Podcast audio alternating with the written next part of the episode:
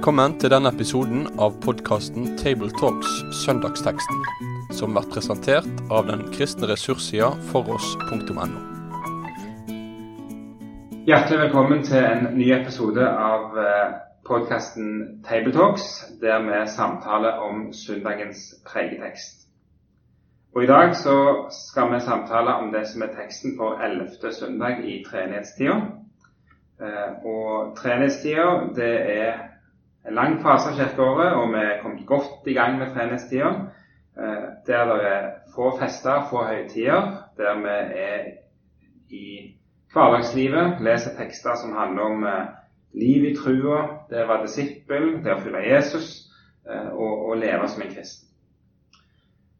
Denne søndagen her så har vi kommet til et av de punktene i løpet av hvert år som Den norske kirke bestemmer at vi skal også huske å lese litt fra GT. Så i dag så er det ikke den vanlige evangelieteksten vi skal snakke om, men vi skal snakke om leseteksten fra Det gamle testamentet. Det er en, en ting Den norske kirke har uh, lufta fram de siste årene som jeg syns er veldig fint. Det er at vi får en påminnelse i ny og ne om at Bibelen består to deler, der den ene delen til og med tjukkere enn den andre, og fortjener å bli lest fra og preikt over i ny og ne. Så i dag så er det budene fra andre Mosebok 20, og det passer jo godt inn i det som er tematikk i treningstida, nemlig livet med Gud, livet i trua. Og med meg for å samtale om denne teksten, så har jeg Sverre Bø. Og Toril Slottsveen Asp. Og så er det meg, Knut Kåre, som eh, fører ordet akkurat, eh, akkurat nå. da. Og så skal nå Toril få lov til å lese fra 2. Mosebok 21 til 17. Gud talte alle disse ord. Jeg er Herren din Gud, som førte deg ut av Egypt, ut av trellehuset. Du skal ikke ha andre guder enn meg. Du skal ikke lage deg noe gudebilde, eller noe slags bilde av det som er oppe i himmelen eller nede på jorden, eller i vannet under jorden. Du skal ikke tilbe dem og ikke dyrke dem. For jeg, Herren din Gud, er en nidkjær Gud. Jeg lar straffen for fedrenes synd komme over barn i tredje og fjerde ledd når de hater meg. Men jeg viser miskunn i tusen ledd mot dem som elsker meg og holder mine bud. Du skal ikke misbruke Herren din Guds navn, for Gud lar ikke den som misbruker Hans navn, være skyldfri. Kom hviledagen i hu, så du holder den hellig. Seks dager skal du arbeide og gjøre din gjerning. Men den sjuende dagen er sabbat for Herren din Gud. Da skal du ikke gjøre noe arbeid, verken du selv eller din sønn eller din datter, verken tjeneren eller tjenestekvinnen eller feet eller innflytteren i dine byer. For på seks dager skapte Herren himmelen, jorden og havet og alt som er i dem. Men den sjuende dagen hvilte han. Derfor velsignet Herren hviledagen og lyste den hellig. Du skal hedre din far og din mor, så du får leve lenge i det landet Herren din Gud gir deg. Du skal ikke slå i hjel. Du skal ikke bryte ekteskapet. Du skal ikke stjele. Du skal ikke vitne falskt mot din neste. Du skal ikke begjære din nestes hus.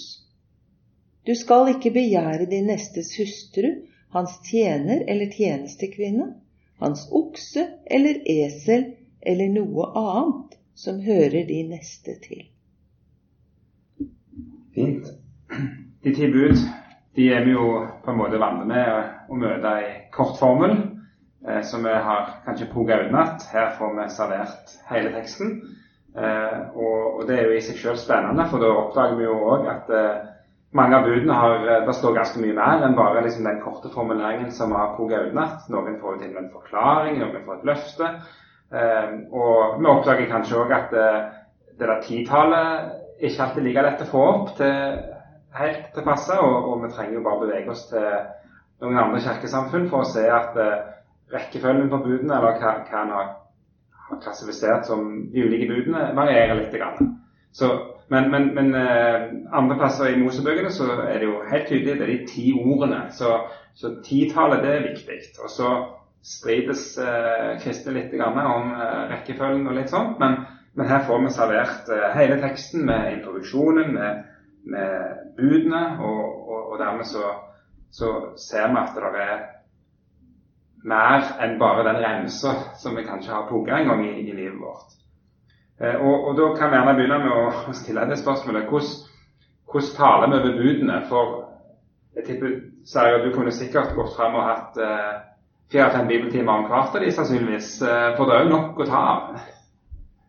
Ja, ikke minst hvordan Bibelen selv utfolder disse tingene, så kommer de igjen og igjen. Og skal vi dele det med hverandre, så vil det få lov å ta litt tid. Men jeg stanser og fryder meg over innledningen her. Han som gir disse budene, det er han som førte deg, Israel, ut av Egypt, ut av slaveriet. Det er min gode Gud. Det er ikke en streng, gammeltestamentlig fjellgud eller noe slikt noe, men det er han som har møtt meg og fridd meg ut. Det gir en fantastisk fin ramme. Og Derfor står det også så talende til et av budene her. Gud, det er han som ja, viser trofast kjærlighet. Gud er nettopp han. Han er den som selv hvilte på den syvende dag. Jeg lærer noe om Gud her, men først og fremst så lærer jeg hva han sier jeg skal gjøre. Mm. På buden trenger med Torgeir. Ja, og jeg har bare lyst til å knytte litt til det, det Sverre sa. Eh, det var en setning jeg også fant i en, eh, en kommentar. Eh, når det står 'Gud talte', så tydeliggjør det jo også autoriteten i det som blir sagt. Og så sto det 'Den er hevet over alle de motsetninger og den relativisme som våre fellesskap er preget av'. Og så tenkte jeg også på dette med 'ut av trellehuset'. Eh, når han henviser da tilbake og sier hvem han er, så, så peker han på frigjøringen. Og, når, og, nå skal han komme med en ny lov. Og så er det jo ofte at vi ikke klarer å forbinde frihet og lov. Fordi så fort det blir sagt noe om du skal og du skal ikke, så kan jeg kjenne at oi, nå mister jeg min frihet fordi det er noen som skal bestemme over meg. Men her, det, her sier han i begynnelsen jeg er den som har frigjort deg fra trellehuset. Og da er det jo underforstått at han kommer ikke med en ny lov som skal gjøre oss til treller på nytt. Så det er frigjøringens Gud som nå kommer med sine eh, si, retningslinjer da, og forklarer hvordan, hvordan det er å leve som et frigjort folk sammen med Gud, med rammer. Mm.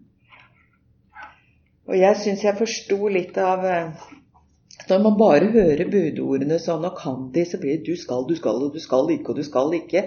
Og, og det kan vekke mange slags følelser hos mange mennesker. Men, eh, men jeg syns jeg skjønte godheten i budene her en dag. Fordi jeg har eh, to jenter, to barnebarn, hvor den ene er to år og nettopp fikk en lillesøster. Og lillesøster ligger jo da fredfull på sofaen og pludrer. Eh, og så pludrer den store en liten stund, og så plutselig hører vi klask, klask. Og da står hun og slår lillesøster i ansiktet til hun begynner å hyle. Og foreldrene reagerte jo ganske intenst. Det var sinne, og det var liksom Nå tar vi deg. Du skal ikke slå lillesøster. og så skjønte jeg at det budet var jo veldig adekvat. Det var veldig viktig å si 'du skal ikke'. Fordi det var til beskyttelse for den ene. Og så var det med å begrense de negative og destruktive utfall som den andre hadde i seg. Og så tenkte jeg at hun skulle lære å, å behandle sin neste på en måte som ikke skadet nesten. Så her er jo ikke gudsdimensjonen inne, som er i budene, men i hvert fall denne, dette at vi trenger budene. Det mm. ble jo veldig tydelig, fordi de mm. rett og slett er gode. Jeg undra meg jo over hvorfor hun gjør det igjen og igjen, da, når hun har fått beskjed om at hun ikke skal. Men uh, Det sier kanskje òg noe? ja. Det er vel noe med det. Eh, da har vi allerede kommet inn på et veldig viktig punkt når det gjelder denne, altså den teksten sånn som vi møter den her i 2. Mosebok 20, nemlig at den har en, den har en struktur, en oppbygning, eh, der vi hører først ordene om hvem Gud er og hva han har gjort. Og så er det òg vevd inn langs veien noe om hvem Gud er. Eh, og så er vi vel vant med fra vår katekisme at vi første bud, ikke andre guder enn meg, Herren som den eneste, det er jo det som fundamentale budet. Eh, du skal frykte og elske Herren din Gud slik at sånn og sånn og sånn. Eh, det er sånn å utlegge de øvrige budene. Så, så det er liksom en, en, tyngdepunkt eh, i det. Og så satt jeg og tenkte på når, når, vi leser liksom de, den delen av, av, budene som hører til på den såkalte andre tavle, det som på en særlig måte angår meg og min neste, alle disse du skal ikke-budene, så slo det meg at det er en slags sånn eh, nesten kaller det en slags omvendt progresjon i alvorlighet og, og, synlighet når det gjelder handlingen. Det begynner med 'du skal ikke slå i hjel', som er en ekstremt synlig eh, ytre sak. Og så ender det jo til slutt i, i, i vers 17 med begjæret. Og da er vi jo kommet ganske langt på den indre tilbøyeligheten. Eh, og så ser jeg at det er en Budene omfatter alt fra den veldig konkrete eh, gjerning i, i ytre til den indre tilbøyeligheten. Og når Jesus i bergprega f.eks. utlegger budene og forklarer budene nærmere, så er det jo når han radikaliserer budene, så er det på en måte gjerne ikke at Jesus tilfører noe nytt i det hele tatt. Det er egentlig bare at Gud fører, Jesus fører sammen eh, første og siste halvdel av 'du skal like budene, og viser liksom at, eh, at eh, ytre handling og indre driv, eh, alt det henger sammen. Så, så det er en, sånn en, det er en, det er en slags struktur i, i teksten med, med, med, Gud, med, med hva skal jeg kalle alvorlighetsgrad, iallfall ytre sett, eh, i, i disse budene, da, som er, er verdt å merke seg. Eh, og så eh, tenkte jeg òg på, eh, og det vil jeg spørre deg om, Sverre der er jo, eh, når, når vi forbereder en, en, en, preike, så spør vi av og til oss sjøl er det noe i teksten som, som skaper støy for tilhørerne våre. Eh, og Idealet er jo at vi på en eller annen måte må forholde oss til det. Vi må ikke gjøre det mer støyete enn det er. Vi må heller ikke late som om det ikke er der. Og jeg vil jo mene at det særlig i, i vers 5 og 6 er støy. For der tales det om en Gud som hjemsøker, og en Gud som viser miskunn. Og så er det noen ledd, og så er det noe med hjemsøking som var mer enn bare liksom ett ledd. Det var tre-fire ledd her. Og det trenger vi å snakke litt om. Ja, jeg skal ikke late som jeg har et veldig kvikk, kjapt svar på det. Jeg har, som alle andre, grublet litt over hva ligger det i det. Den ene siden er at dette kjenner vi igjen fra hverdagen, at hvordan vi oppfører oss som foreldre, det får følger for barna våre. Om ikke annet så gjør det det på konto, på arv. Har vi ødslet eller har vi samlet, så er det nokså direkte det griper inn. For vi er ikke fullt så frittsvevende individer som vi tror. Vi hører nok en del sammen. Men jeg tror først og fremst jeg misforstår teksten hvis jeg leser den som at Gud ønsker å bruse fjørene og si det at husk at jeg straffer i massevis av generasjoner ellers uskyldige mennesker. Det er ikke det han sier. Gud er en sånn som proporsjonsmessig kan velsigne i tusen ledd. Mens Guds nidkjærhet, den varer en bitte, bitte liten brøkdel. Eh, ikke engang en prosent, hvis du tar matematikken på dette. Så tekstens poeng er at Guds kjærlighet er så uendelig mye dypere, varigere, enn de syndens følger får for den ene og den andre. Mm. Men synd har følger, det er vel det er, det er også et viktig poeng her. Og det slår meg mer og mer som far til fem, og etter hvert bestefar, at jeg har gjort noen valg som har påvirka dem så veldig mye. Eh, noen var bevisste valg, og noen står jeg for. Noen kunne jeg hatt lyst til å kunne gjøre om igjen. Eh, men veldig mange valg var ubevisste. Vi påvirker hverandre, og ikke minst i den aller nærmeste familien. Og uavhengig av atferd så er det noen gener òg som forsynes neste ledd og kan gå enda litt videre. Jeg har sjøl ei kone som jobber i barnevernet, og det har slått meg gang på gang eh, når hun forteller om, om, om eh, at det er nesten ingen saker hun er borti hvor eh, det er en unge som har problemer med sine foreldre, hvor ikke foreldrene har problemer med sine foreldre. Så det er jo noe med at at det vonde og destruktive det, det, har en forferdelig vond tendens til å forplante seg. Så kan heldigvis sirkelen brytes, eh, men dessverre vil gjerne verden sånn at eh, altfor ofte så er det så, så er synd og, og destruktivitet noe som, eh, som, som, går videre. Jeg tenker jo litt på det, det budet som, som, det kanskje er litt tøft å, å ta inn over seg i vår tid, da, med at du skal ikke bryte ekteskapet.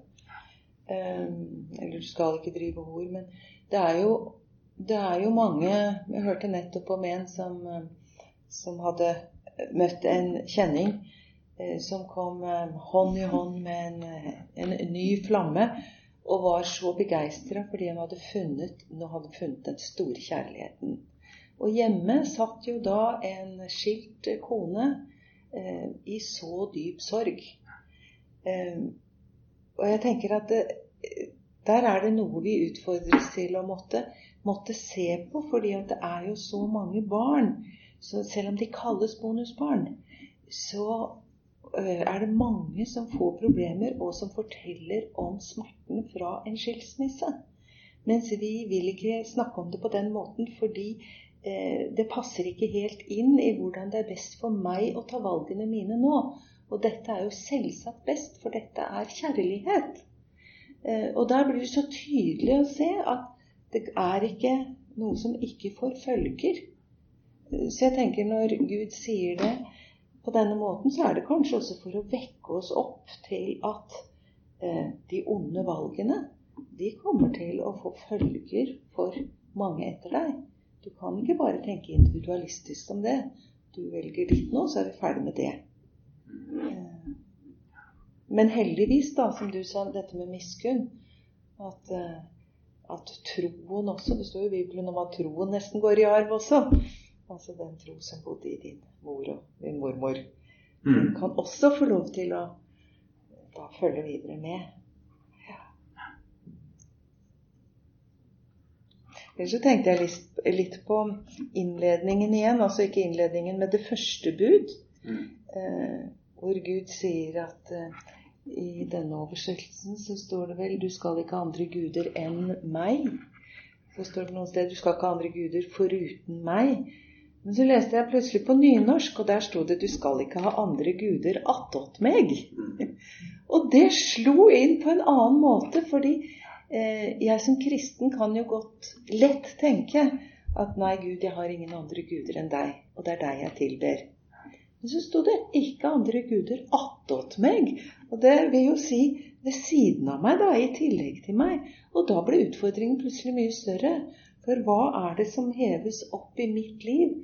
og faktisk kanskje bevisst eller gjerne ubevisst har en sånn sterk påvirkning på meg, og som jeg, jeg er bundet til, og røster jeg lyder og, og sånn, som kanskje er attåt Gud, mm. som Gud ville rydde vekk fordi han skulle være der alene som min dype autoritet.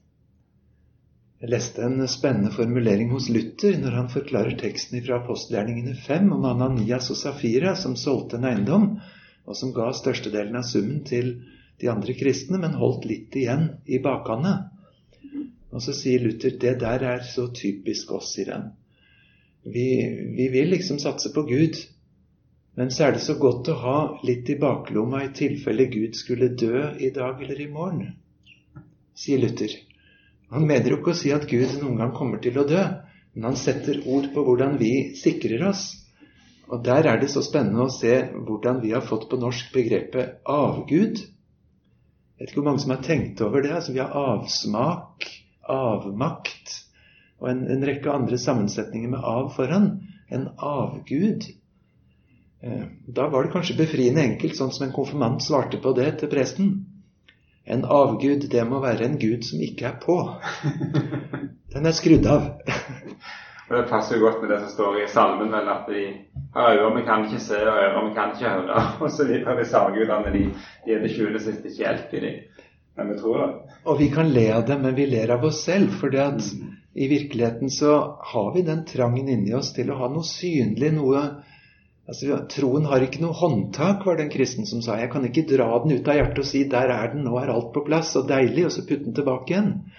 Den sanne tro har ikke noe håndtak. Og vår levende Gud er ikke sånn at han står der med et knips bare for liksom å forsikre oss om hva som helst. Eh, men dess mer jeg leser om han i Bibelen og får leve med han, dess mer er han jo en virkelighet der.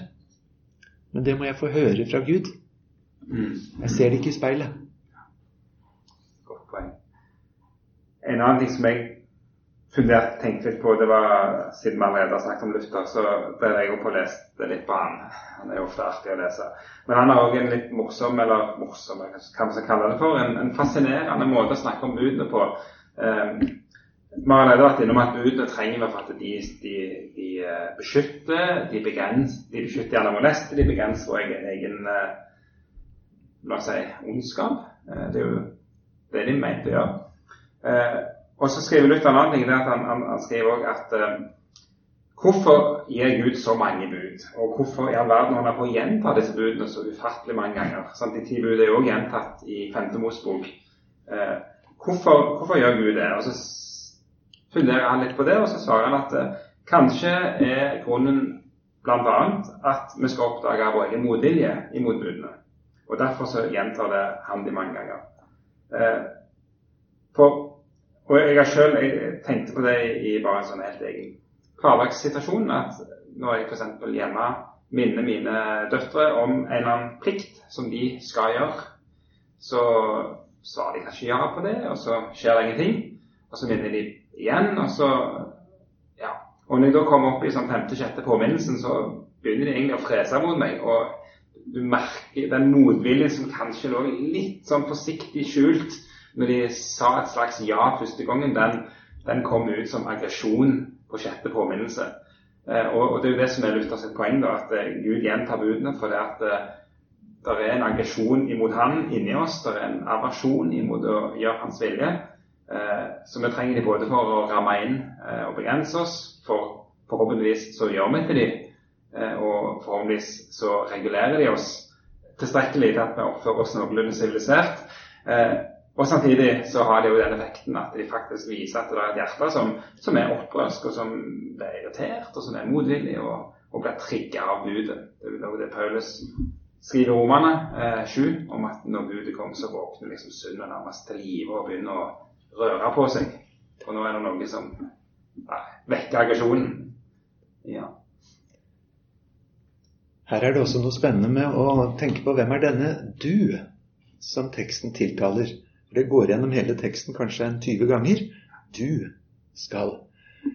Mange av oss er vant med at katekismen det er barnelærdom. Det er henvendelse til barn, så har de lært det. Men du i andre Mosebok, det er jo du voksne israelitt som nå står for mitt ansikt og hører mitt ord. Ehm, og det er et ganske vesentlig poeng. Gud henvender seg til meg, myndige, stemmerett, menneske og sier 'du skal'. Eh, og det å høre Guds ord ikke bare som noe ungene trenger, og samfunnet trenger, og forbrytere trenger, eh, men å høre det som noe jeg er underlagt ifra Gud. Det gjør noen ting. Da vi gifta oss, så fikk jeg et godt råd av en klok svoger. Han sa husk å be for husandakten. At den ikke bare forsvinner ut, at den ikke bare koker bort i noen intensjoner, og bare bli fleip. Be om at det må få lov til å skje. Og husk, sa han, husandakten holder du ikke på Guds vegne til de der ungene. Men det er jeg og barna som stiller oss inn under hva Herren har å si. Og Det syns jeg har vært så befriende med husandakten. Eh, eller hva vi kaller det. Gud snakker til meg som voksen, og han snakker til barna. Og vi er akkurat like babyer i møte med Han. Men Gud er mektig, og Han kan nå inn til oss. Vi må nærme oss en avrunding. Eh, så jeg har et standardspørsmål som jeg stiller til slutt, og jeg stiller til deg først, Sverre.